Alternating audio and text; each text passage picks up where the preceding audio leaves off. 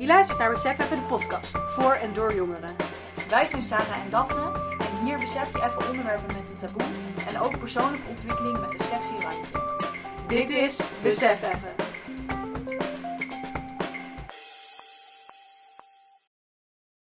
Nou, welkom bij uh, weer een nieuwe aflevering.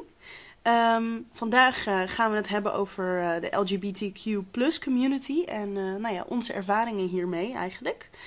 Um, en dit is dan ook de eerste aflevering met een gast, um, namelijk Jonas van Kappel. Hij zit naast me.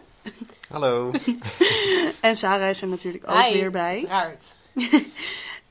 um, Jonas is eigenlijk een uh, goede vriend van mij en ja, super activistisch in de community. ja, je hebt dan ook uh, gender- en LGBTQ studievakken gevolgd bij je studie Nederlandse taal en cultuur. En ja, daarnaast heb je eigenlijk veel workshops gegeven vanuit die specialisatie over deze onderwerpen op nou, bijvoorbeeld middelbare scholen en aan studenten.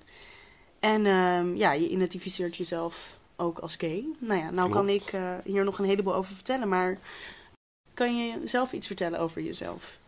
Ja, ik uh, heb inderdaad op de UvA um, best wel veel onderzoek gedaan ook naar LGBTQ en gender, cultuur als het ware. Um, en ik heb zelf ook veel affiniteit met um, ja, de LGBTQ community. Ik identificeer mezelf inderdaad als gay. En ik uh, ben ook veel bezig met het onderwerp vooral um, vanuit de jongere doelgroep. Dus ik vind het belangrijk dat um, jongeren de tools krijgen om er ook over na te kunnen denken en erover te kunnen spreken met hun omgeving. Mm -hmm. Dus vandaar dat ik inderdaad ja. daar workshops over geef op middelbare scholen. Um, vaak gekoppeld aan een theatervoorstelling over het onderwerp ook. En uh, ja, je ziet wel echt dat dat effect heeft. Het is wel mooi. En hoe zie je dat, dat het effect heeft?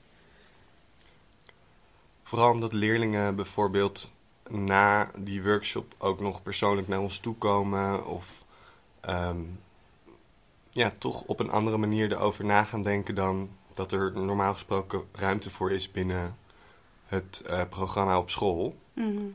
um, dus je ziet dat het toch ja, iets intiems of iets kwetsbaars is waar uh, normaal gesproken gewoon weinig ruimte aandacht, voor is ja, om te aandacht. bespreken. Ja. Waar weinig aandacht voor is vanuit leraren ook. Mm -hmm.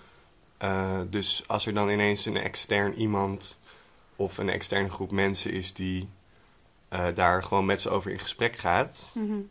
dan zie je gewoon aan ze dat het iets triggert of dat, dat, dat, dat, dat je ze aan het denken ja, zet. Ja, dat er opeens wordt nagedacht over iets wat misschien nog eerder nog niet echt ter sprake kwam. Wel echt Ja. tof om dat dan op deze manier soort van naar buiten te brengen. Want ik denk dat iedereen, zeker of als ik naar mezelf kijk, op de middelbare school vond ik het altijd heel leuk als er dan een groep kwam en die ging dan een voorstelling doen, weet je wel. Ja, Dus dat is dan wel heel, ja, vind ik wel een mooie manier om dat dan zo toch bespreekbaar te maken en daardoor ook laagdrempeliger of zo, denk ik. ja, ja zeker. Ja, want het is inderdaad, dat laagdrempelige is wel goed dat je dat zegt, want dat is ook wel echt de insteek. Om het ook luchtig te Ja. houden en het toegankelijk voor een grote groep. En dat iedereen heeft er ook iets over te zeggen. Dat merk je ook wel, dat het Mhm. bij iedereen iets teweeg brengt. Ja. Ja. En er komen soms ook wel eens vragen die echt, ehm, die echt wel laten zien dat het echt nodig is. Dus ik heb wel eens de vraag gekregen van dan een, een jongen van 15 of zo die vroeg. Eh, omdat we het dan de hele tijd met allerlei termen strooiden soms in de voorstelling. Ja, ja, ja. Dat we dan in een workshop de vraag kregen van... Wat betekent dit? Wat betekent hetero eigenlijk precies? Kun je dat uitleggen? Ja. Oh, tof. En dan zie je echt... Ah, dat is zo vanzelfsprekend, dat, dat hetero-normatieve... Dat, dat er niet eens meer over wordt eh, nagedacht wat het precies betekent. Omdat, of nee, eerder omdat die... ehm, het wordt nooit echt benoemd, omdat het zo Omdat het normaal is. vanzelfsprekend is. Ja. Ja. Ja. Ja, terwijl ik bedoel, en ik, ik zit ook wel redelijk in de community, maar soms, er zijn tegenwoordig zoveel termen ook wat dat betreft, dat ik soms ook dubbel moet nadenken van, oh, wat betekent dit ook weer exact? En, Ja. Ja, dus ik snap op Er zich komen wel... ook steeds meer termen bij natuurlijk. Ja, ja, ja. Oké, ehm, nou, over termen gesproken. Ehm, kan, je, ja, kan je iets vertellen over jezelf in de community? Welke pronouns je gebruikt? Ehm, ja, en hoe je misschien je seksualiteit identificeert, wel of juist niet in een hokje plaatsend. Goeie vraag. Ik ehm, identificeer mezelf wel als gay. Eigenlijk altijd al gedaan ook. Mhm. En mijn pronouns zijn hij, hem. Maar ik moet zeggen, ik heb wel veel affiniteit, of ik voel me wel verbonden met ook de term queer, als het ware. Mhm. Ehm, vooral ja, de hele levenswijze of de visie op hoe je met elkaar omgaat. En ehm, Wat betekent queer volgens jou? Ja, queer is eigenlijk een soort paraplu-term. Ja. Dus daar vallen allerlei seksualiteiten of genders die niet hetero zijn onder. Ja. Ehm, maar het betekent ook voor iedereen weer net iets anders. En dat maakt het ook een lastige term, denk ik. Ja. Omdat je je er heel erg op een persoonlijke manier mee kunt verbinden. Ehm, En wat betekent het voor jou dan? ja, voor mij betekent het. Ehm, is het een soort term die ook erkenning geeft voor dat je dus in het leven te maken krijgt met situaties waar hetero personen gewoon niet mee te maken krijgen. En het heeft ook iets activistisch. Mhm. queer zijn, denk ik. Omdat je je ook op een bepaalde manier verzet tegen structuren die heel dominant zijn in de samenleving. Dus gewoon zoals het huwelijk of het, Ja. Het man-vrouw denken. Alle rollen die toebedeeld worden en aan... hetero. Ja, alle zeg maar ehm, rolpatronen die toebedeeld worden aan mannen en vrouwen, die haal je eigenlijk onderuit door er meer, ehm, ja, door er kritischer naar te kijken vanuit een queer blik, als het ware. Mhm. Dat vind ik het interessante aan wat queer is. Ik vind het een hele moeilijke term of zo. Inderdaad, denk ik ook door wat je zegt. Het is, het, het is alles en het is soort van niks of zo. Ja, Ehm, waardoor, dat merk ik in mijn omgeving ook wel, dat heel veel mensen zeggen, ja, maar wat, wat is dat dan? Hoezo komt dat er dan ook nog bij als eigenlijk iedereen eronder valt, maar je voor iedereen al wel een soort ja, stickertje, naampje, dingetje hebt? Dat, dat merk ik ook wel. Dat ik, maar wat, wat houdt het dan in en waarom gebruik je het dan? En, maar ik denk voor mij in ieder geval, door de uitleg die je net gaf, is het wel duidelijker geworden of zo. Mhm. Ja, ik denk dat het een bepaalde verbondenheid creëert onder mensen die zich dus niet hetero voelen. Ja. Dus waardoor je eigenlijk al die mensen bij elkaar ook pakt, als het ware. Mhm. Zonder dat je ook meteen in een hokje geplaatst hoeft te worden. Mhm. Het, is dus, het is voor mij best wel een, een liberating, of een, bevrijdend, een bevrijdende term, omdat het niet echt hokjesachtig denken Ja. is. Maar ehm, wel eh, zeg maar erkenning geeft aan het feit dat je je misschien niet 100% hetero voelt of bent. Ja, of en het, identificeert. het geeft ook veel ruimte, denk ik, om ook dus bepaalde aspecten van wie je bent te ontdekken. Bepaalde aspecten van je seksualiteit of je gender. Ehm, ja, daar gewoon op een eh, niet hetero-normatieve manier naar te kijken, zeg maar. Ik denk dat dat het voornaamste is wat het kan doen. Queer. Toch, ja, dan wordt het opeens Queer leven. wel dat een is ook een soort soort levenshouding. mooie term of zo. Ja, Ja. Ja. daardoor wordt het wel mooier. Ja. Voor mij in ieder geval, laat ik het zo zeggen. Mhm, Cool. Ja. Zo leren we ook gewoon iets terwijl we deze Ja, podcast Ja. maken. Dat is ook, ook sowieso een doel. En, wa- want de geschiedenis, als ik het even goed heb onthouden, van queer is eigenlijk dat het dus een scheldwoord was, volgens mij toch? Ja, klopt. En ehm, nu is het dus eigenlijk een scheldwoord wat is veranderd naar een, een woord wat door de community zelf dus als activistisch wordt gebruikt. Ja, en het creëert verbondenheid nu. Ja, ja. ja. Omdat het soort van gereclaimed is, noemen ze het dan. gereclaimed. Dat, dat Ja. Ja. Dus vroeger werden mensen uitgescholden voor faggot of queer. Of, Ja. Want in essentie betekent het woord zoiets als ehm, weirdo. Zoiets. Mm, Dat is ja. eigenlijk de, de standaard oudere definitie. Mhm. Mhm. Maar nu hebben mensen uit de community zoiets van... Oké, you call me a weirdo. Nou, fijn. Ik ben queer, dus nu is het iets om trots op te zijn Ja. dat je afwijkt. Ja. Ehm, wat ook ergens, denk ik, een soort risico in zich draagt dat het misschien verhipt. Ja. Terwijl het wel ja, gewoon ja, dat het een soort trendwoord wordt. Ja. Ja. ja. Dat zie ik inderdaad wel opeens gaan. En natuurlijk, je, ik merk wel dat er meer over gesproken wordt, over deze community Ja. natuurlijk. Maar ik zie inderdaad wel een soort Trend, dat veel meer mensen queer gaan gebruiken. Dat veel meer mensen zeggen, Ja. oh, ik ben non-binair bijvoorbeeld. Ik ben, nou ja, Mhm. wat dan ook. Dus. En misschien dus doordat er meer openheid over is. Maar ik, wat je inderdaad zegt, die trend, die, en of het nou echt een trend is of dat iemand, dat, dat het gewoon meer opengetrokken wordt en daardoor steeds meer mensen ervoor uitkomen, dat weet ik niet. Maar Ja, je kunt je afvragen wat de reden is. Ik denk wel zelf dat het vooral ermee te maken heeft dat er meer ruimte voor is. Mm. En dat er ook meer ruimte voor is in het onderwijs bijvoorbeeld. Ja.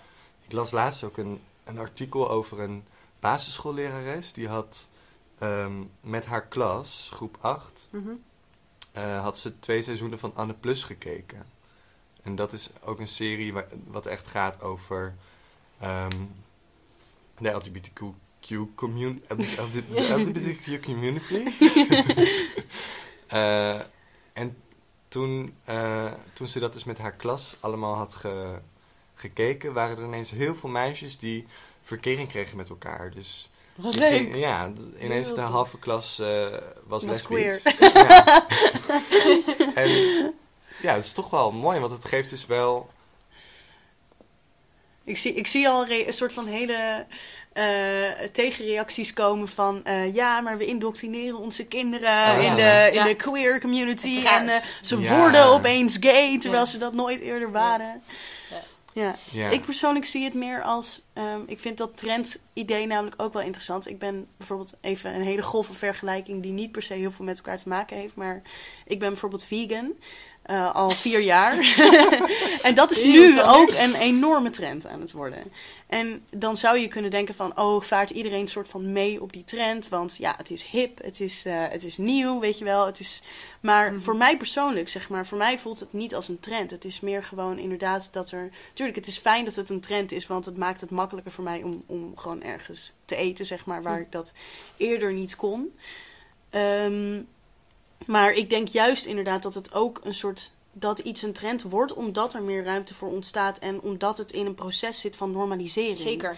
En ik denk Mhm. dat dat ook heel erg gaande is in, nou, bijvoorbeeld met het woord queer of non-binair of, of zeg maar uit de kast komen überhaupt. Het lijkt misschien een soort trend omdat steeds meer mensen het doen, maar ik denk dat het, dat, dat gebeurt omdat er inderdaad eindelijk een soort ruimte en lucht ontstaat om dat te kunnen doen zonder al te veel struggle. Ja. En Ja. dan ook nog in bepaalde communities, want in andere groeperingen is het natuurlijk nog steeds een enorme struggle.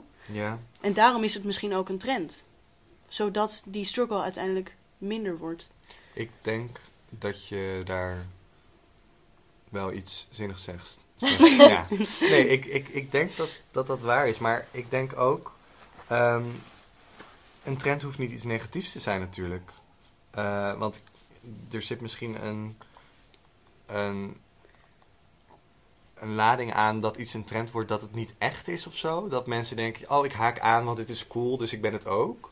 En Maar- dan, maar als de trend weer voorbij gaat, ben je er niet meer of zo. Precies, ja, Maar aan de andere kant, wat is daar mis mee? Je hebt, iedereen heeft het recht om te experimenteren met bepaalde Om trendy levenshoudingen. te zijn. of- ja, iedereen heeft het recht om hip te worden. nee, maar wat ik meer wil zeggen is... Ja, iedereen moet kunnen uitvogelen voor zichzelf wat bij diegene past, toch? Ja. Denk ik. En een trend kan Zeker. daarbij wel ondersteunend zijn. Ja. Ja, Dus zeg maar, ik weet van mezelf dat als veganisme geen trend meer zou zijn, dat ik dat ook nog steeds zou zijn. En hetzelfde geldt voor, ja, queer zijn. Trend is ik. natuurlijk om het te proberen.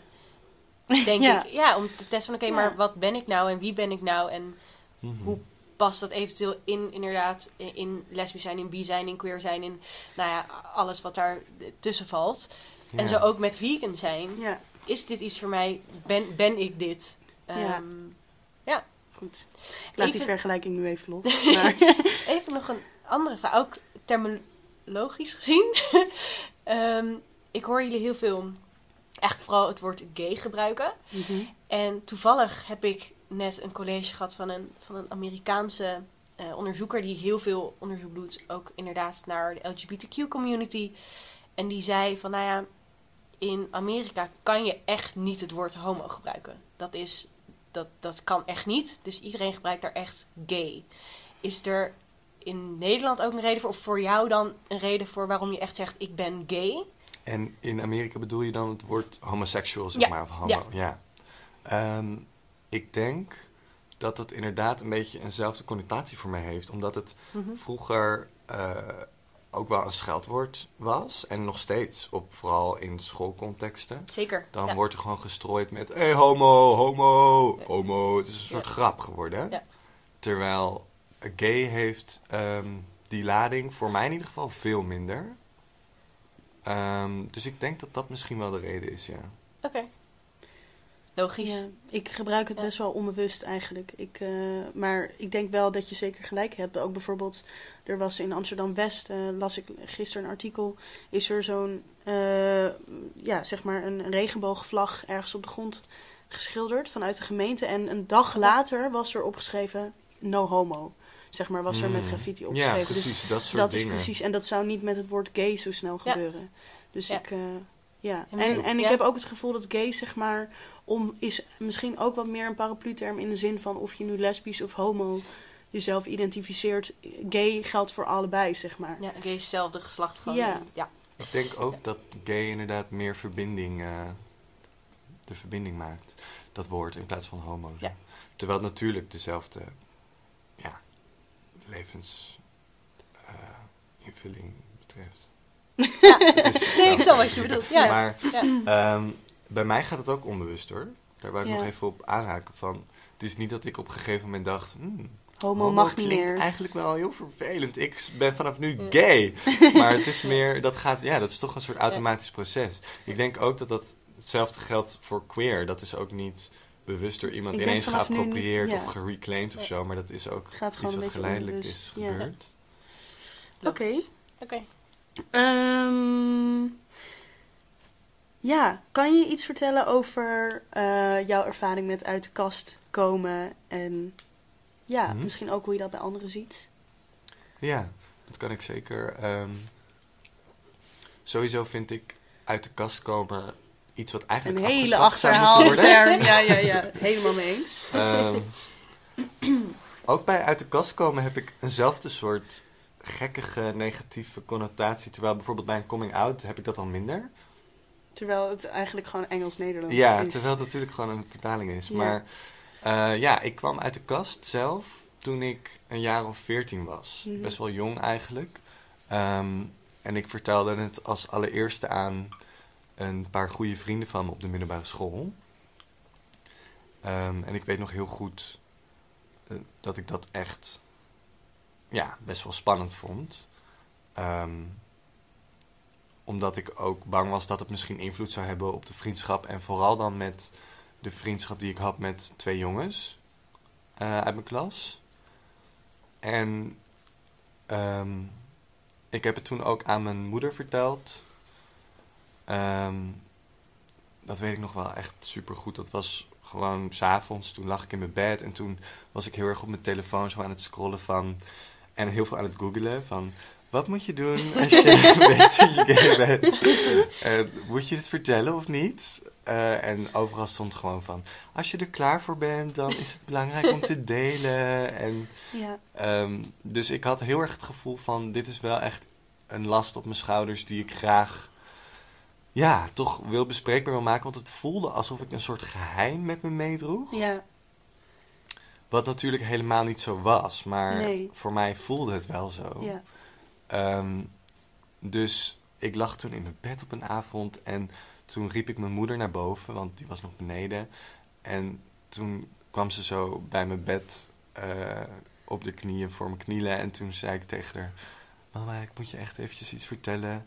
Ehm, ik denk namelijk dat ik verliefd word op jongens ehm, en niet op meisjes. En toen zei mijn moeder eigenlijk... Oh, ehm, maak je maar geen zorgen erover, hè? Ga maar lekker slapen. Oh. ja, en eigenlijk hebben we het er daarna nooit meer over gehad. Nooit meer. Nee. Oh. Ja, dat was eigenlijk best wel met terugwerkende kracht. Had ik wel echt behoefte aan een gesprek daarover. Ehm, ik heb het ook nooit aan mijn vader verteld verder. Maar volgens mij heeft mijn moeder doorgeluld aan mijn vader. Zo gaat het vaak natuurlijk. Ja. ja. Ja. Maar ze zijn er verder nooit meer op teruggekomen. En ik kreeg een jaar later of zo een vriendje. En die kwam ook gewoon bij ons over de Mhm. vloer. En dat was allemaal oké. Eh, dus ik had wel ergens... ehm, wel Ze waren Omdat wel- er geen negatieve reactie was, dacht ik het zit wel goed. Mhm. Maar ik maar je heb hebt nooit... ook niet die positieve erkenning eigenlijk echt gehad. Nee, totaal Dan- nooit. Nee. Terwijl Wat- het, ze waren dan wel accepterend. Maar niet zo van, oh wat goed dat je dit Nee. deelt. Ja. Terwijl ik dat wel nodig had misschien op die leeftijd. Maar dit is ook wel een van de redenen dat ik me dus graag hard wil maken voor ja. het openbreken van... Het taboe Dat verzwijgende, ja. ja. Dus dat ik graag wel nu dat gesprek wel wil aangaan met die leeftijdsgroep ook. Ja. Van, Nou, vandaar dat je uitgenodigd bent in deze aflevering. ja, nou, super. Maar Ja. heb je dan wel, want wat je zegt, van nou, ik heb geen negatieve reactie gehad, maar natuurlijk ook niet erkenning van hé, hey, we zijn er helemaal oké mee en, en top dat je dit hebt verteld. Maar heb je dat dan indirect wel een beetje gekregen, los dan van dat het altijd oké was dat je een vriendje meenam, maar je heb je dan wel het- misschien soms wel het gevoel gekregen dat het misschien niet helemaal Nee, ik heb ja. altijd wel het gevoel gekregen dat het oké was. Maar ja, mijn vader kan ook wel eens een beetje een ongepaste grap maken over homo's of zo. Mhm. En dat valt dan wel, schiet bij mij wel in het ver- verkeerde keelgat. Ja. Maar het is niet alsof ik ehm, tegen negativiteit aanloop of zo. Nee, precies, vanuit ja. mijn ouders. Het, het is niet alsof ze me niet accepteren. ze- Nee. gewoon net een beetje dubbel. eh, Ja, Ja. terwijl ehm, het natuurlijk in bepaalde gezinnen veel intenser nog is, Mhm. eh, Ja. die afwijzing. Want ehm, Ja, soms word je gewoon letterlijk onteerd. precies, als kind. ja. ja. In islamitische culturen is dat heel sterk. Daar moet je het echt verzwijgen. Ja. ja. Eh, want als je het vertelt, dan is het een, een, een... Ja, hoe zeg je dat? Dan is het een schande voor de familie. Ja. Dus dan ja, word maar je ook echt in christelijke verstoten. culturen Ja. natuurlijk. Ja. En andere onaccepterende groeperingen, los van religie Mhm. of eh, andere levensovertuigingen. Ik denk ook, eh, zeg maar, in een ideale wereld, eh, Hm. zeg maar, net zoals dat hetero's niet uit de kast komen van hé, hey, ik ben hetero, zouden, zouden elke andere vorm van seksualiteit en gender niet uit de kast hoeven te komen.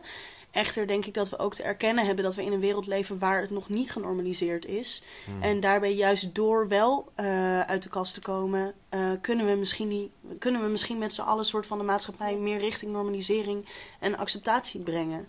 Ja. Want dat is inderdaad een beetje... En misschien omdat ik zelf hetero ben, maar... Ik Jij hebt het- nooit gezegd van, hé hey, trouwens, ik ben Sarah Nee, en ik ben hetero. Ik heb nu dus wel... Dat is nu... Dat heb ik afgelopen maanden wel heel veel lang zien komen. Dat, ik weet niet of jullie die kennen, dat plaatje... Verschillende plaatjes waarbij dan een hetero persoon zegt... Jongens, ik moet jullie wat vertellen. Ik ben hetero. Mhm. Hebben jullie die gezien? Nee. Nee, niet Nou, dat was op een gegeven moment echt een ding. We hebben dus niet dat algoritme. Nee. Dat Nee. komt. nee, maar nou, op zich goed. Ja. Maar dat ik wel heel erg. Ik ben natuurlijk heel erg voor dat, dat jullie niet meer hoeven te zeggen: hé, hey, ouders, eh, ik ben bi, ik ben gay, ik ben, nou ja, wat dan ook. Ja, die hele Tu- tuurlijk ben ik daar helemaal voor. Alleen ik heb wel het gevoel dat het afgelopen jaren te erg gepusht wordt. Terwijl ik denk dat Nederland er misschien nog niet helemaal klaar voor is. En inderdaad, wat Waar klaar voor is, bedoel je? klaar voor om het daar helemaal overheen te stappen en nu gaan we het niet meer doen. Ja, het is ja, precies ja, wat ja, jij zegt. Ja. We moeten ook wel een beetje van realistisch kijken van hé, hey, het gebeurt gewoon nog niet. Ja. Mhm. En ik heb wel het wel idee dat het blijven, ja, en wel het idee dat het nu omdat er nu denk ik meer openheid over is, dat dat er in één keer doorgeduwd moet worden of zo. En niet zijn van hé, hey, laten we er gewoon over hebben. Mhm. En dan gaat het vanzelf. Ja. En ik merk dat ik dat wel lastig vind of zo. Maar misschien omdat ik inderdaad hetero ben en er zelf best wel accepterend over ben. Ehm, dat, dat er mensen gay zijn en dat helemaal oké is. Mhm. Maar Want hoe bedoel je met ehm, doorduwen? nou ja, bijvoorbeeld dat ik opeens heel veel plaatjes zag ehm, en heel veel berichten langs zag komen van waarom moeten gay mensen uit de kast komen en plaatjes dus van Nou, hetero's die uit de kast er komen. dus nog niet is. Nee, maar in Ja. één keer was het wel heel erg een ding van, voor mijn gevoel, vanuit de LGBTQ-community, of tenminste vanuit die groep, zeg maar, om het even als geheel te nemen. ehm, van we willen dit niet meer en hetero's moeten ook uit de kast komen. En Ja. het werd opeens helemaal opgeblazen. En dat is natuurlijk logisch als er openheid over komt. Maar wel heel erg van het moet nu. En hoezo zijn we er niet nu al veel opener over als het een geleidelijk proces moet zijn. En je het er in mijn ogen gewoon met heel veel mensen over moet hebben. En dan wordt het vanzelf doorgegeven. Ja. Ik denk dat ook iedereen hier persoonlijk weer invulling aan kan geven hoe dat voor die persoon werkt. Want ja, ik had bijvoorbeeld laatst een gesprek met een vriendin erover die nog niet eh, nou ja, uit de kast is, Mhm. om het maar even zo te noemen. En ook niet weet of ze dat dus wil. En daar hadden Mhm. we een heel gesprek over. Terwijl ze ook wel uit een omgeving, zeg maar, eh, vrienden, ze heeft wel vrienden die zeg maar wel uit de kast zijn of queer zijn of daar gewoon super accepterend over zijn. Mhm. Maar bijvoorbeeld naar haar ouders en haar familie eh, weet ze nog niet of ze uit de kast wil komen, omdat ze wel denkt dat ze, nou, misschien een beetje zoals jij geaccepteerd zal worden. Eigenlijk eh, de overtuiging of de waarde heeft van, we, ik zou niet uit de kast hoeven te komen, want wat is dit voor een onzin en hoezo Ja. Is het niet gewoon genormaliseerd? Aan de andere kant dus ook die erkenning van, oké, maar we zijn daar misschien nog niet met z'n allen. En jij kan daar wel als persoon toch- al zijn. Ja, Maar ja, als je omgeving dat niet is. nodig ook soms. Ja. ja. Ja, en bijvoorbeeld ik ben, ik ben, ik identificeer me als een, als een vrouw die bi is. Ehm, ik ben nooit echt uit de kast gekomen.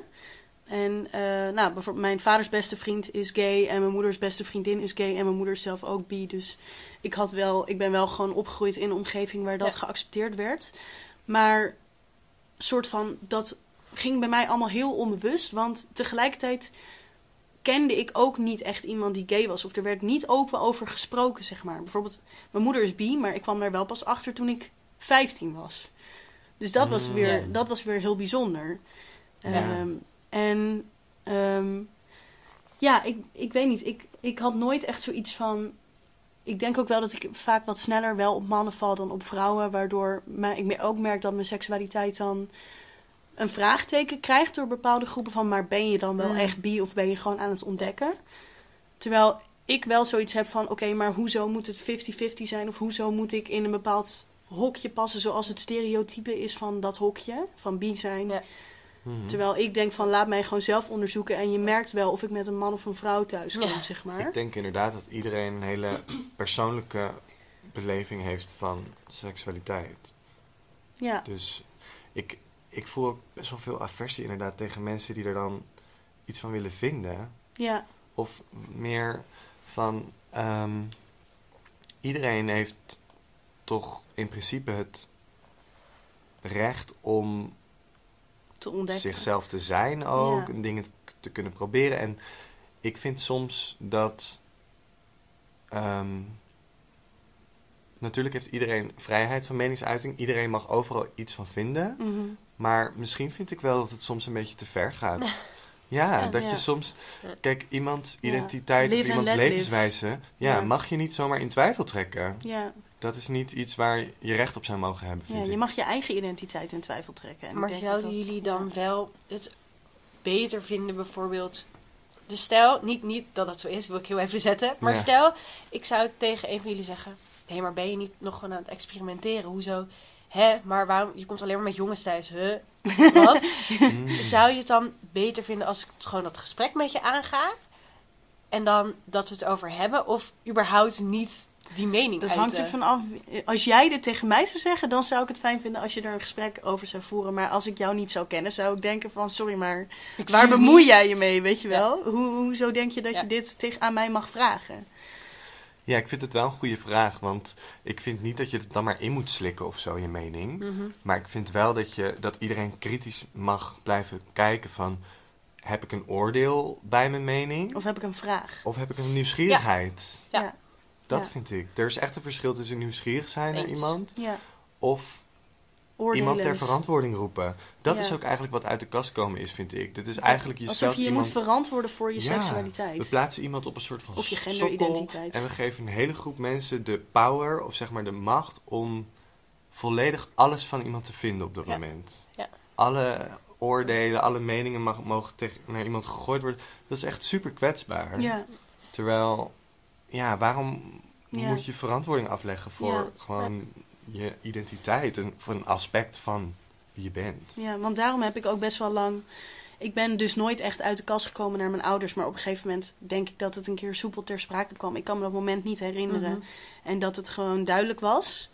Ehm, maar daar was ook nooit echt erkenning voor van... Het was meer gewoon, oh nou prima. En Ja, ik ja. weet nog wel eenmaal dat ik dus ook echt best wel lang dacht van... Ja, moet ik bijvoorbeeld uit de kast komen naar nou ja, de vriendengroep die wij dan hebben?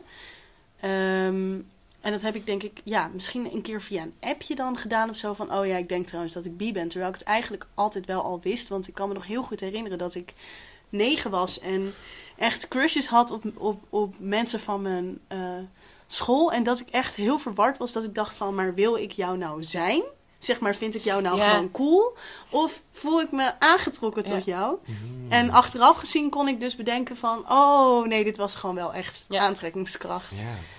Ehm, en ik denk het, het enige moment dat, dat het dichtstbij kwam dat ik uit de kast ben gekomen was tijdens een avond van breekjaar. Dat soort van de, misschien weet je dit niet meer. Van dat uh, alle ouders en vrienden en zo kwamen kijken. Ja? En dat we zo'n spel deden van eh, ehm, als je me echt zou kennen. En toen heb ik dus gezegd, maar niet eens omdat ik mezelf verantwoordelijk wilde voelen voor ik kom uit de kast. Maar Mhm. meer omdat ik dacht, ik wil gewoon dat iemand hier gewoon eventjes gay is. Want anders is er geen representatie.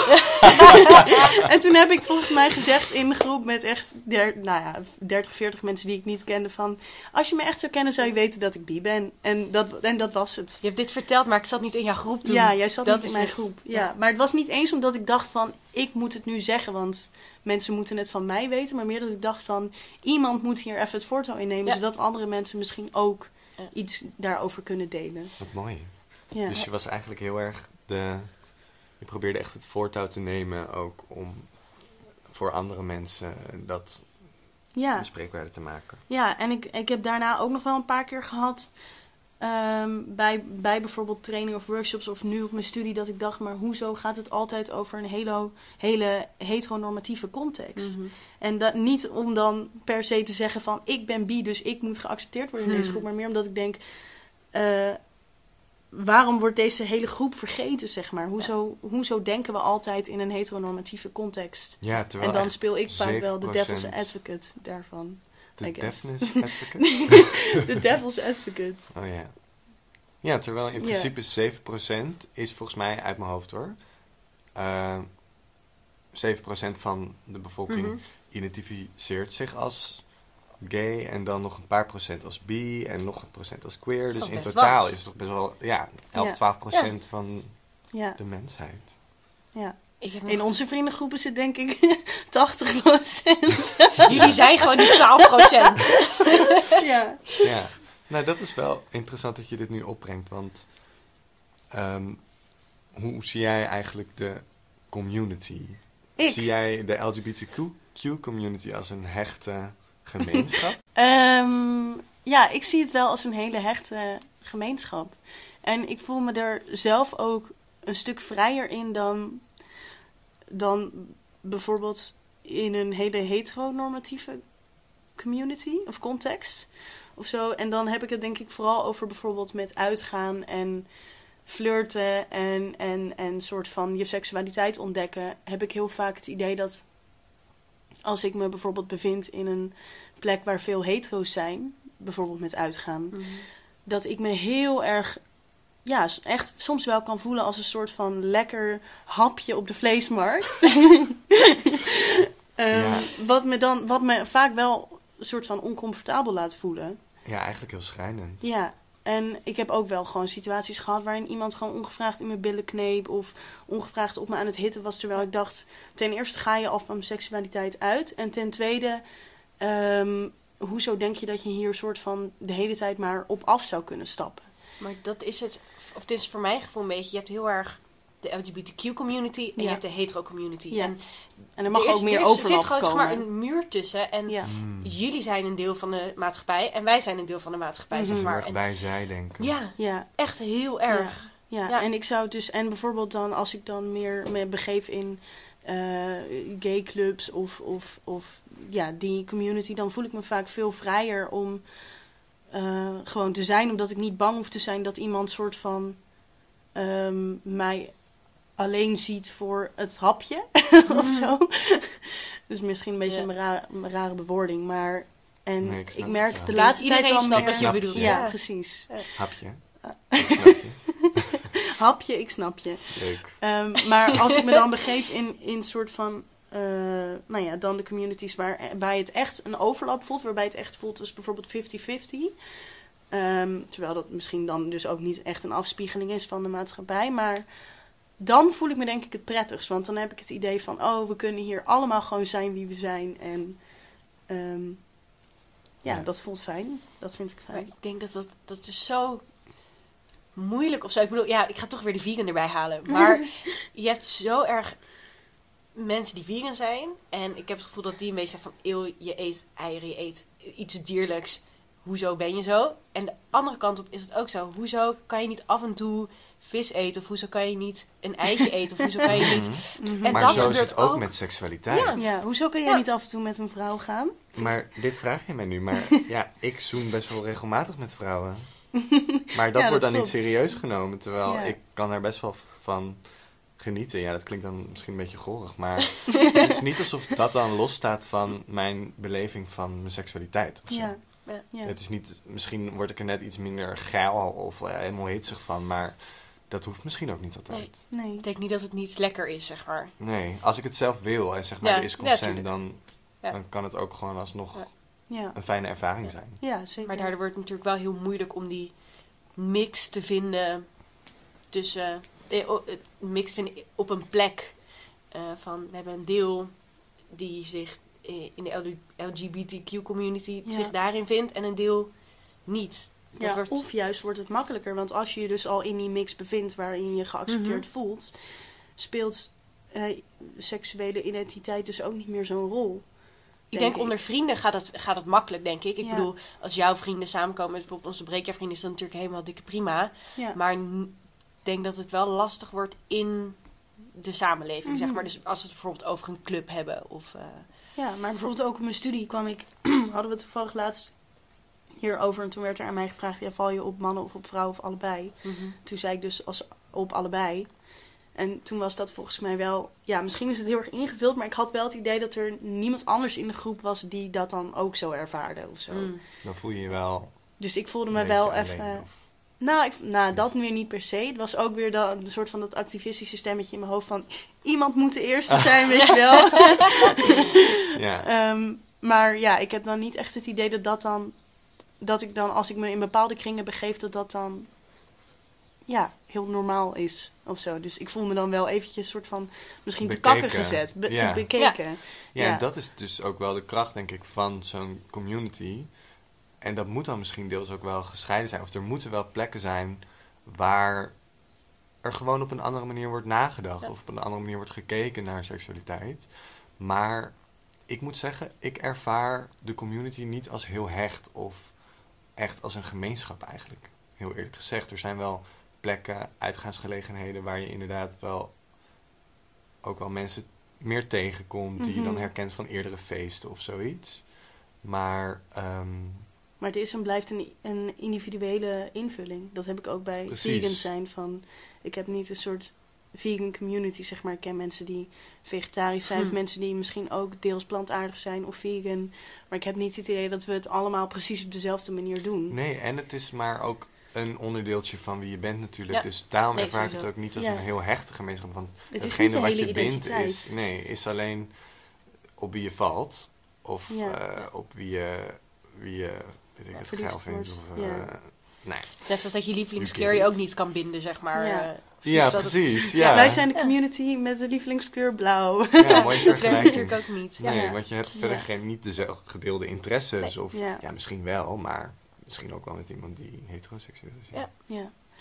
ja, wat dat betreft is het eigenlijk maar, als je echt tot de kern komt, een klein onderdeel van je identiteit. Misschien. Of, en dat is ook weer trouwens ter invulling, want voor sommige mensen zal het een heel groot onderdeel zijn en voor andere mensen is het slechts een bijzaak. Ja, ja het Ja. is natuurlijk wel zo dat de samenleving waarin we leven, of de cultuur in ieder geval die we hebben, seksualiteit speelt gewoon een grote rol in je, ja, in je ieders leven, denk Ja. ik. Want het is toch een van de meest wezenlijke dingen van mens zijn, toch? Dat Ja, je altijd verlangt ja. naar liefde of, of intimiteit. ja. Of, Ja. ja. ja. Groepsgevoel, ja, dat Ja. is toch... En daarin Ja. jezelf kunnen zijn. Ja. Nou, daarover gesproken, ehm, had ik een vraag. Had jij moeite met eh, zelfacceptatie met betrekking tot je seksualiteit? Ehm goeie vraag. Ik denk dat ik daar op vrij jonge leeftijd dus al mee bezig was. Ehm, ja, zoals ik zei, kwam ik al op mijn veertiende uit de kast eigenlijk. En voor mij was het wel al vrij eh, vroeg duidelijk, voor mezelf in ieder geval, dat ik ehm, op jongens viel. Dus ik kwam er gewoon vrij snel achter dat ik ja, eerder fantaseerde over jongens dan over meisjes. Dat ik dacht, oh, ik zou hem best wel graag willen zoenen. Of Mhm. Dat ik echt wel naar jongens keek op een manier van... Ik vind hem echt heel knap. En bij meisjes had ik dat gevoel gewoon niet. Ehm, en ik denk dat ik dat... Voor mij voelde dat... Omdat ik er zo jong al mee bezig was... Voelde dat al best wel vroeg vanzelfsprekend. Voor mezelf in ieder geval. Mhm. Ehm, dus ik heb mezelf daarin eigenlijk al best wel vroeg geaccepteerd, denk ik. Mhm. Maar ehm, ik moet zeggen dat hoe ouder ik word, hoe minder ik het eens ben met hoe de samenleving ernaar kijkt. Of Mhm. hoe de samenleving ermee omgaat. Hoe bedoel je dat? Nou ja, dat ik gewoon, dat ik er eigenlijk, hoe ouder ik word, hoe verdrietig ik ervan word. Dat, ehm, Dat het niet altijd vanzelfsprekend is dat je jezelf kan accepteren omdat je een seksualiteit hebt die afwijkt van ja, de norm. Ah, Ja, precies. Ja. Dat, ja, dat Ja. bedoel ik. En dat die zelfacceptatie ook niet voor iedereen zo vanzelfsprekend is. En dat ik misschien... ehm, dat het ook helemaal niet zo is van... ehm, ik denk dat het een proces is wat met pieken en dalen ook weer kan gaan gedurende je hele leven. Ik denk niet dat je op een gegeven moment kan zeggen... oh, ik heb mezelf nu geaccepteerd... Ja. en dan daarna heb je er nooit meer last van. Nee, het is echt het is een eh, ongoing Ja. proces en waarschijnlijk ben je er de hele le- je hele leven Ja. mee bezig. Net zoals gewoon überhaupt jezelf accepteren zoals je bent. Ja, is want- ook nooit, ja, je, kan, je ziet altijd wel iets kleins waarbij je het niet, waarbij je denkt, nou dit kan beter of dit kan Ja. mooier of dit En dan ga je weer een anders. fase door dat je jezelf minder leuk vindt. En dan vind je jezelf opeens helemaal geweldig. Ja, en zit je lekker in je vel. Ja. Ja. En wat ook zo was, toen ik jong was, was ik ook blinder voor, ehm, Negatieve. voor negativiteit, denk ik. Mm. Ik Ja. zat echt met, soms met de oogkleppen op. Of Ja. dat, dat ik heb wel eens meegemaakt toen ik twaalf was of zo. Dat er dan jongetjes in het park waren, vlakbij mijn huis, waar ik dan wel eens speelde. Die dan mij meisjesachtig vonden. Of daar dan wel iets over zeiden van... Je, je gedraagt je echt als een meisje. Of, en Ja. dat was niet echt beste, maar dat waren gewoon van die opmerkingjes die ik dan heel erg langs me heen liet gaan. Waarvan ik dacht, nou ja, dat is misschien ook wel zo. Nou, Nou ja, en, whatever. ja. Ja, ja. ja, maar je hebt natuurlijk Ja. ook mensen die dat dan als heel erg ingrijpend ervaren. en ehm, die dingen waren wel, kwamen bij mij in mijn leven op die leeftijd wel echt weinig voor. Mhm. Dus dit is dan een situatie die ik me nog heel goed kan herinneren. Mhm. Maar ik heb ook wel eens de afgelopen jaren, gewoon als ik op een date was, bijvoorbeeld met een jongen, Mhm. wel eens meegemaakt dat er echt iemand naar ons toe kwam en dan heel agressief eh, met kankerhomo ging schelden. Of ehm, Ja, echt homohaat. Wat, wat echt homohaat. Ja, wat Ja. dan ineens veel duidelijker wordt, ook misschien in een grote stad, dat het, dat het directer is. Mhm.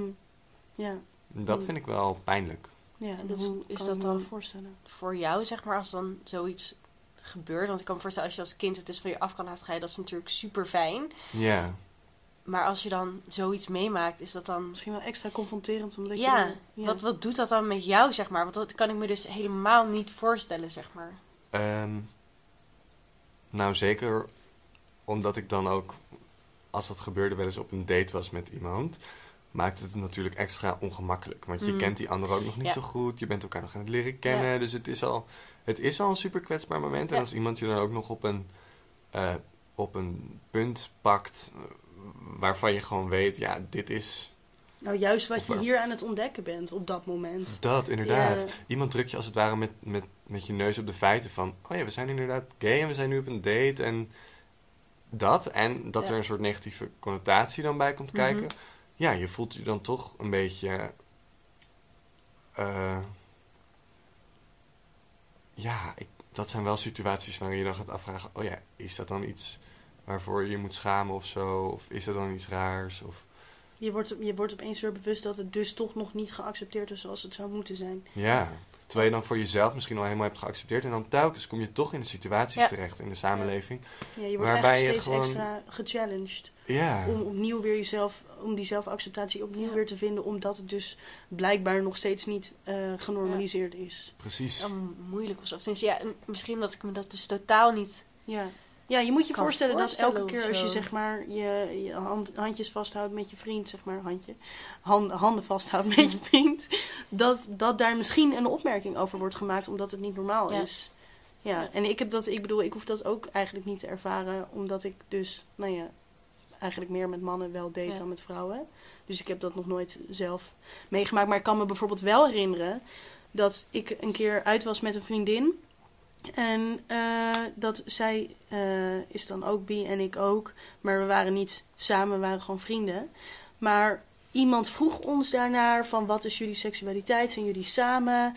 En op, de een, op, op, van het een op het andere moment werden we opeens geseksualiseerd als twee Oh vrouwen die misschien met elkaar zouden gaan. Terwijl wij daar echt zo stonden van... We zijn hier met z'n tweeën als vrienden voor de muziek. Niet, niet om met elkaar te gaan. En ook al helemaal niet om geseksualiseerd te worden door een of andere random hetero man. Ook echt belachelijk dat je Ja. het recht voelt om daar gewoon zo direct naar te vragen. Ja, Dat je überhaupt het vraagt. Ja, dat het is Ja. een toch super persoonlijke raar. vraag. ja, dus dat soort dingen. Ja. Dan denk ik ook wel weer van... Oh ja, oh ja, het is dus nog steeds... En dan, dit zijn dan vaak ook voor mijn gevoel mensen... Dat vul ik dan een beetje in. Die dan wel denken dat ze heel accepterend zijn. Maar Mm. dan niet doorhebben dat zo'n vraag je eigenlijk dus weer, weer Ja. buiten die Ja. normalisatie Ja. plaatst. Het is niet dat ik stel dit soort vragen nooit aan mensen. hoor. Dat vind ik ook een beetje heftig als je dat wel doet. Ja. Maar dat heb ik dus zelf ook wel eens. Dat ik dan. Ik heb het gevoel dat ik heel accepterend ben en heel. En van ja, het is Ja. allemaal oké. En als ik ook denk, als mijn kind eh, met, een, met een. Stel, ik heb een meisje die komt met een meisje thuis. Dat, dat zou ik ook totaal niet erg vinden. Ja. Maar wel dat ik dan. Nou, bijvoorbeeld ook wat ik hier eerder zei, dat ik heel erg het gevoel heb dat het wel. Dat er heel erg een scheidslijn is. En ehm, dat ik af en toe denk, ja, maar. Ik heb ook het gevoel dat je soms, omdat het nu heel erg soort van opkomt en open Je kan het nooit wordt, goed genoeg doen. dat het dan de andere, ja, dat dan de andere kant ook, dat ik af en toe denk, ja, maar ik doe ook mijn best, weet je wel. En Mhm. je wordt dan toch in een soort hoekje geduwd van, eh, hoezo ben je niet nog meer open? Hoezo ja. eh, Ja, jullie moeten ja. ook uit de kast komen. Dat ik af en toe denk, ja, maar ben ik dan wel zo open? Of wanneer Ja. doe je het wanneer dan wel ben je goed? het, zeg Wanneer maar? doe je het goed? Ja, ik denk Ja, dat het... En als ik dat soort dingen dan Mm. denk, dan denk ik ook van, oh, maar wacht. Ben ik, ben ik wel zo... ik denk Ik dat snap het wel goed. Ik, ik heb wel eens vaker meegemaakt, ook op eh, vorig jaar een opleiding, als het dan bijvoorbeeld ging over dingen als gender of seksualiteit, dan merkte ik aan de ene kant dat, dat mensen er ook niet zo heel veel van wisten, omdat ze er misschien minder mee bezig Mhm. waren. Ehm, maar mensen durfden er ook niet meer naar te vragen, omdat ze Ja. bang waren om iets fouts te vragen. Of Ja. om Dat is het echt. ja, of om het fouten te zeggen, of om toch net een opmerking te maken die dan niet goed valt. Maar ja, ik denk, blijf wel gewoon zeggen wat je denkt. Alleen vanuit die nieuwsgiedigheid ja, en niet vanuit het nieuwsgierigheid, oordelende. Ja. En ik denk dat het een beetje misschien hetzelfde is als bijvoorbeeld met geïnternaliseerd racisme. Mhm. Ehm, gewoon belangrijk om te erkennen dat, dat er gewoon dingen zijn in onze cultuur, taal, maar ook in het systeem. eh, van nou ja, misschien ons land, maar ook gewoon op de wereld, dat het nog niet geaccepteerd is en genormaliseerd is. En dat je dus vanuit daar, vanuit een onwetendheid ook gewoon af en toe iets fout zal doen. En ik bedoel, ik doe dat ook, want ik ken ook niet alle termen eh, op elk Mhm. moment helemaal uit mijn hoofd. Ja. En ik zal vast ook een keer een, een grap hebben gemaakt die eigenlijk ehm, ja, niet eh, meer kan in deze Ja. tijd. Ehm, maar ik denk dat het belangrijk is om te beseffen dat je daarin dus ook mag leren. En dat je het niet al perfect hoeft te doen vanuit die ontwetendheid. En dus ook mag vragen. Ja. Want dat was eigenlijk ook mijn volgende vraag van... hoe kan Ja. je dan misschien meer het taboe openbreken... of hoe kunnen we nog met z'n allen ja, hierin verbeteren om het meer te normaliseren? Accepteren dat we misschien nog niet alles weten. En dat dat ook prima is. Dat je ook mag leren hierin. Ik denk dat het echt heel goed is wat je daar zegt. Dat je dus ook een misstap mag maken. Van je mag het vragen en iemand die zegt dan misschien wel tegen jou van... Oh, hoe je dit nu formuleert of wat je nu zegt. Of heb je, eh, ben je ervan bewust dat het een bepaald effect heeft Mhm. of zo. Dat, dat mag dan ook gezegd worden, vind ik. Zeker. Ja, want En- juist door het niet te zeggen, behoud je het meer, denk ik. Ja, Ja. Ja. ja. Ik denk met elkaar in gesprek blijven is het belangrijkst. Ja. Nee, het, is, ja. het is gewoon een, een, een- Het gaat twee kanten op. ja. En daarin Ja. gewoon... Inderdaad, wat jullie ook zeggen... Ja. Stel zeker vragen, maar wel vanuit nieuwsgierigheid. En ja. vanuit daar een gesprek voeren. En niet gewoon dingen gaan zeggen en dan ja. de heen en weer. En dan niet ingaan op wat de ander zegt. Of, Ja, en niet meteen ook bekritiseren als er een keer iets wordt gezegd wat misschien niet helemaal correct is. Politiek correct. Ja. En zie Ja. iemand anders ook niet als fundamenteel verschillend van jezelf. Want misschien, Ja, niet dat wij jezelf zij ook nog denken, maar meer van... ja, misschien kun je jezelf ook nog een keer in de spiegel kijken en bedenken van... ehm, zijn er niet bepaalde dingen die ik altijd als vanzelfsprekend heb ervaren voor mezelf... waarvan ik misschien ook nog helemaal niet zo zeker ben over bepaalde dingen van je seksualiteit, van... of je vrouwelijkheid of je mannelijkheid of... Mhm. Ik denk ook dat het, Gender ja. gaat over iedereen ook. Ja, Zeker. dat het daarbij ook belangrijk is om te zeggen dat het ook iets fluïde is. Dus het is kan niet... zijn, ik- ja. Het kan, kan iets zijn, inderdaad. Ja. Dus Ja, ik, dat is inderdaad zo. Vooral, er is veel onderzoek gedaan naar ehm, bijvoorbeeld de ehm, seksualiteitbeleving van mannen versus eh, vrouwen. Mhm. Eh, en het blijkt dat onder vrouwen er wel een in meer- een cisgender... eh, in een cisgender context. Ja, ja. precies. Ja. Oké. Ja, daar is gewoon tot nu toe nog wel het meeste onderzoek naar gedaan. Ja. Laten we dat Ja. voorop stellen. Ja. Ehm, en het blijkt wel dat vrouwen vaak hun seksualiteit meer als fluïde beleven Ja. dan mannen. Dat is ook Mm. wel iets heel interessants. Want ja. Het schijnt dus dat... En is dat dan de patriarchy of is dat eh, biologisch? Wat zit daarachter? ik denk Ja. de patriarchy. ik denk toch wel. Maar... Mm. Ja, ik weet het, ik weet het niet. Ik denk het wel, maar... Het zou, ja, het zou, ze- ik Allebei. denk dat het zeker een rol speelt, eh, de Ja. patriarchy. ja, Maar ik denk dat het misschien ook biologisch... dat- Allebei. ja. Het is altijd allebei, Allebei. Ja. Ja. Het is altijd allebei. Maar ehm, ja, je hebt bijvoorbeeld best wel veel vrouwen die er op latere leeftijd pas achter komen dat ze ook bijvoorbeeld gevoelens voor vrouwen hebben. Ja. Of op welke manier dan ook. En dat Mhm. hoeft niet puur Hoeft niet seksueel altijd, te zijn of, of alleen maar romantisch. En het is wel grappig, want ik was gisteren e- even eten bij mijn ouders. En eh, mijn moeder die heeft al super lang een, een heel goede vriendin. En ehm, ze had haar heel lang niet gesproken, echt misschien wel bijna een jaar. Mhm. En mijn moeder was een tijdje echt best wel ziek geweest. En ze had nooit een bericht gekregen van die moeder. Ehm, Die vriendin. Die vriendin. Die vriendin. ja. en ze vroeg zich altijd af van, is er iets aan de hand? Of, eh, weet je wel, ze ging zich ook bij zichzelf afvragen van, heb ik iets verkeerd gedaan? Mhm. Ehm, en toen, vorige week, sprak ze die vriendin weer. En ze, ze was bij mijn moeder op bezoek gekomen. En ze had ineens een ring om de vinger. Ehm, en bleek dat ze dus was getrouwd met een vrouw. Terwijl ze is in de zestig en ze had die vrouw echt een paar maanden geleden Ontmoet. ontmoet. En toen zijn ze gelijk getrouwd. hebben ze gelijk een huis gekocht. Wow. Ze heeft haar hele leven gewoon helemaal omgegooid. Terwijl ze nooit eerder eh, van zichzelf wist ja. dat ze dus ook op vrouwen Ja. kon vallen. Eh, want ze, had, ze heeft ook twee kinderen en ze is gewoon super lang met een man samen Ja. geweest. Altijd relaties gehad met mannen. Ehm, en het bleek dus dat ze zich daar ook gewoon, ja, toch deels voor schaamde of daar niet eerder voor uit durfde te Mm. komen. Dat ze dus ook geen contact had gezocht met mijn moeder. En dat vind ik dan, aan de ene kant is dat dus, ja, toch wel bijzonder dat het dus echt fluïde kan zijn. Dat je gewoon op Mhm. latere leeftijd pas daarachter kunt komen voor jezelf. Ja. Ehm, aan de andere kant dus ook schrijnend dat het misschien zo... ehm, Lang heeft geduurd voordat ze die kant van zichzelf kon ontdekken. ja, en dat ze zich daar ook voor schaamde tegenover moeder. Of, ja. Ja, of en ja, zo zie kan- je ik dus ook nu weer... wel in ja. dat het schaamte was hoor, maar... Ja, maar er geval- zit er wel in natuurlijk dik in dat dat zo was. Zeg ja, maar, hoeft niet zo te zijn, maar dit, dit soort schaamtegevallen komen wel vaak voor.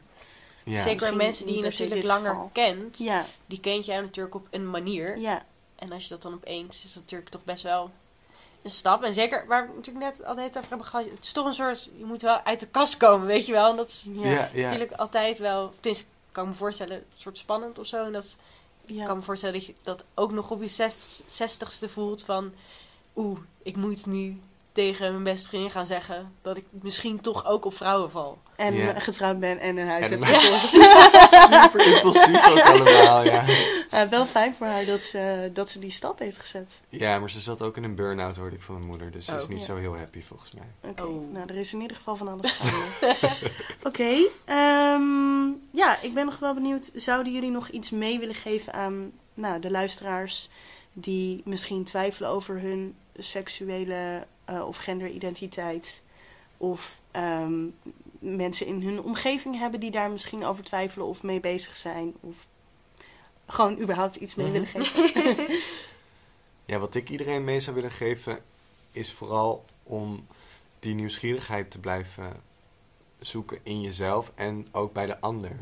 Dus je mag in principe altijd alles vragen aan iedereen, maar wel vanuit een bepaalde nieuwsgierige blik. Mhm. Ik denk dat daar echt de crux hem in zit. Ja, Ja, ik, dat, ik sluit me daar helemaal. Ik denk dat ik verder ook niet heel veel meer heb van. Ik denk, oh, dit, dit wil ik nog meegeven. Maar ik denk wat ze gewoon elke aflevering zeggen. Blijf er gewoon over praten. ja. En blijf open naar het visie van de ander. Beide kanten op. het visie. Ja. De Het visie. visie. Het visie. De visie, ja. Helemaal mee eens. Ja, en stuur deze podcast vooral door, eh, zou ik zeggen. Voor wat ongegeneerde zelfpromo. Ehm, nee, maar ik denk, ja, zeker. Ik vond het een heel fijn, openbrekend en oprecht gesprek. En, Ik eh, ook. ik zou zeggen, tot de volgende aflevering. Bedankt voor de uitnodiging. Alsjeblieft. Het was leuk Was dat je er was. ja. Ja, graag gedaan.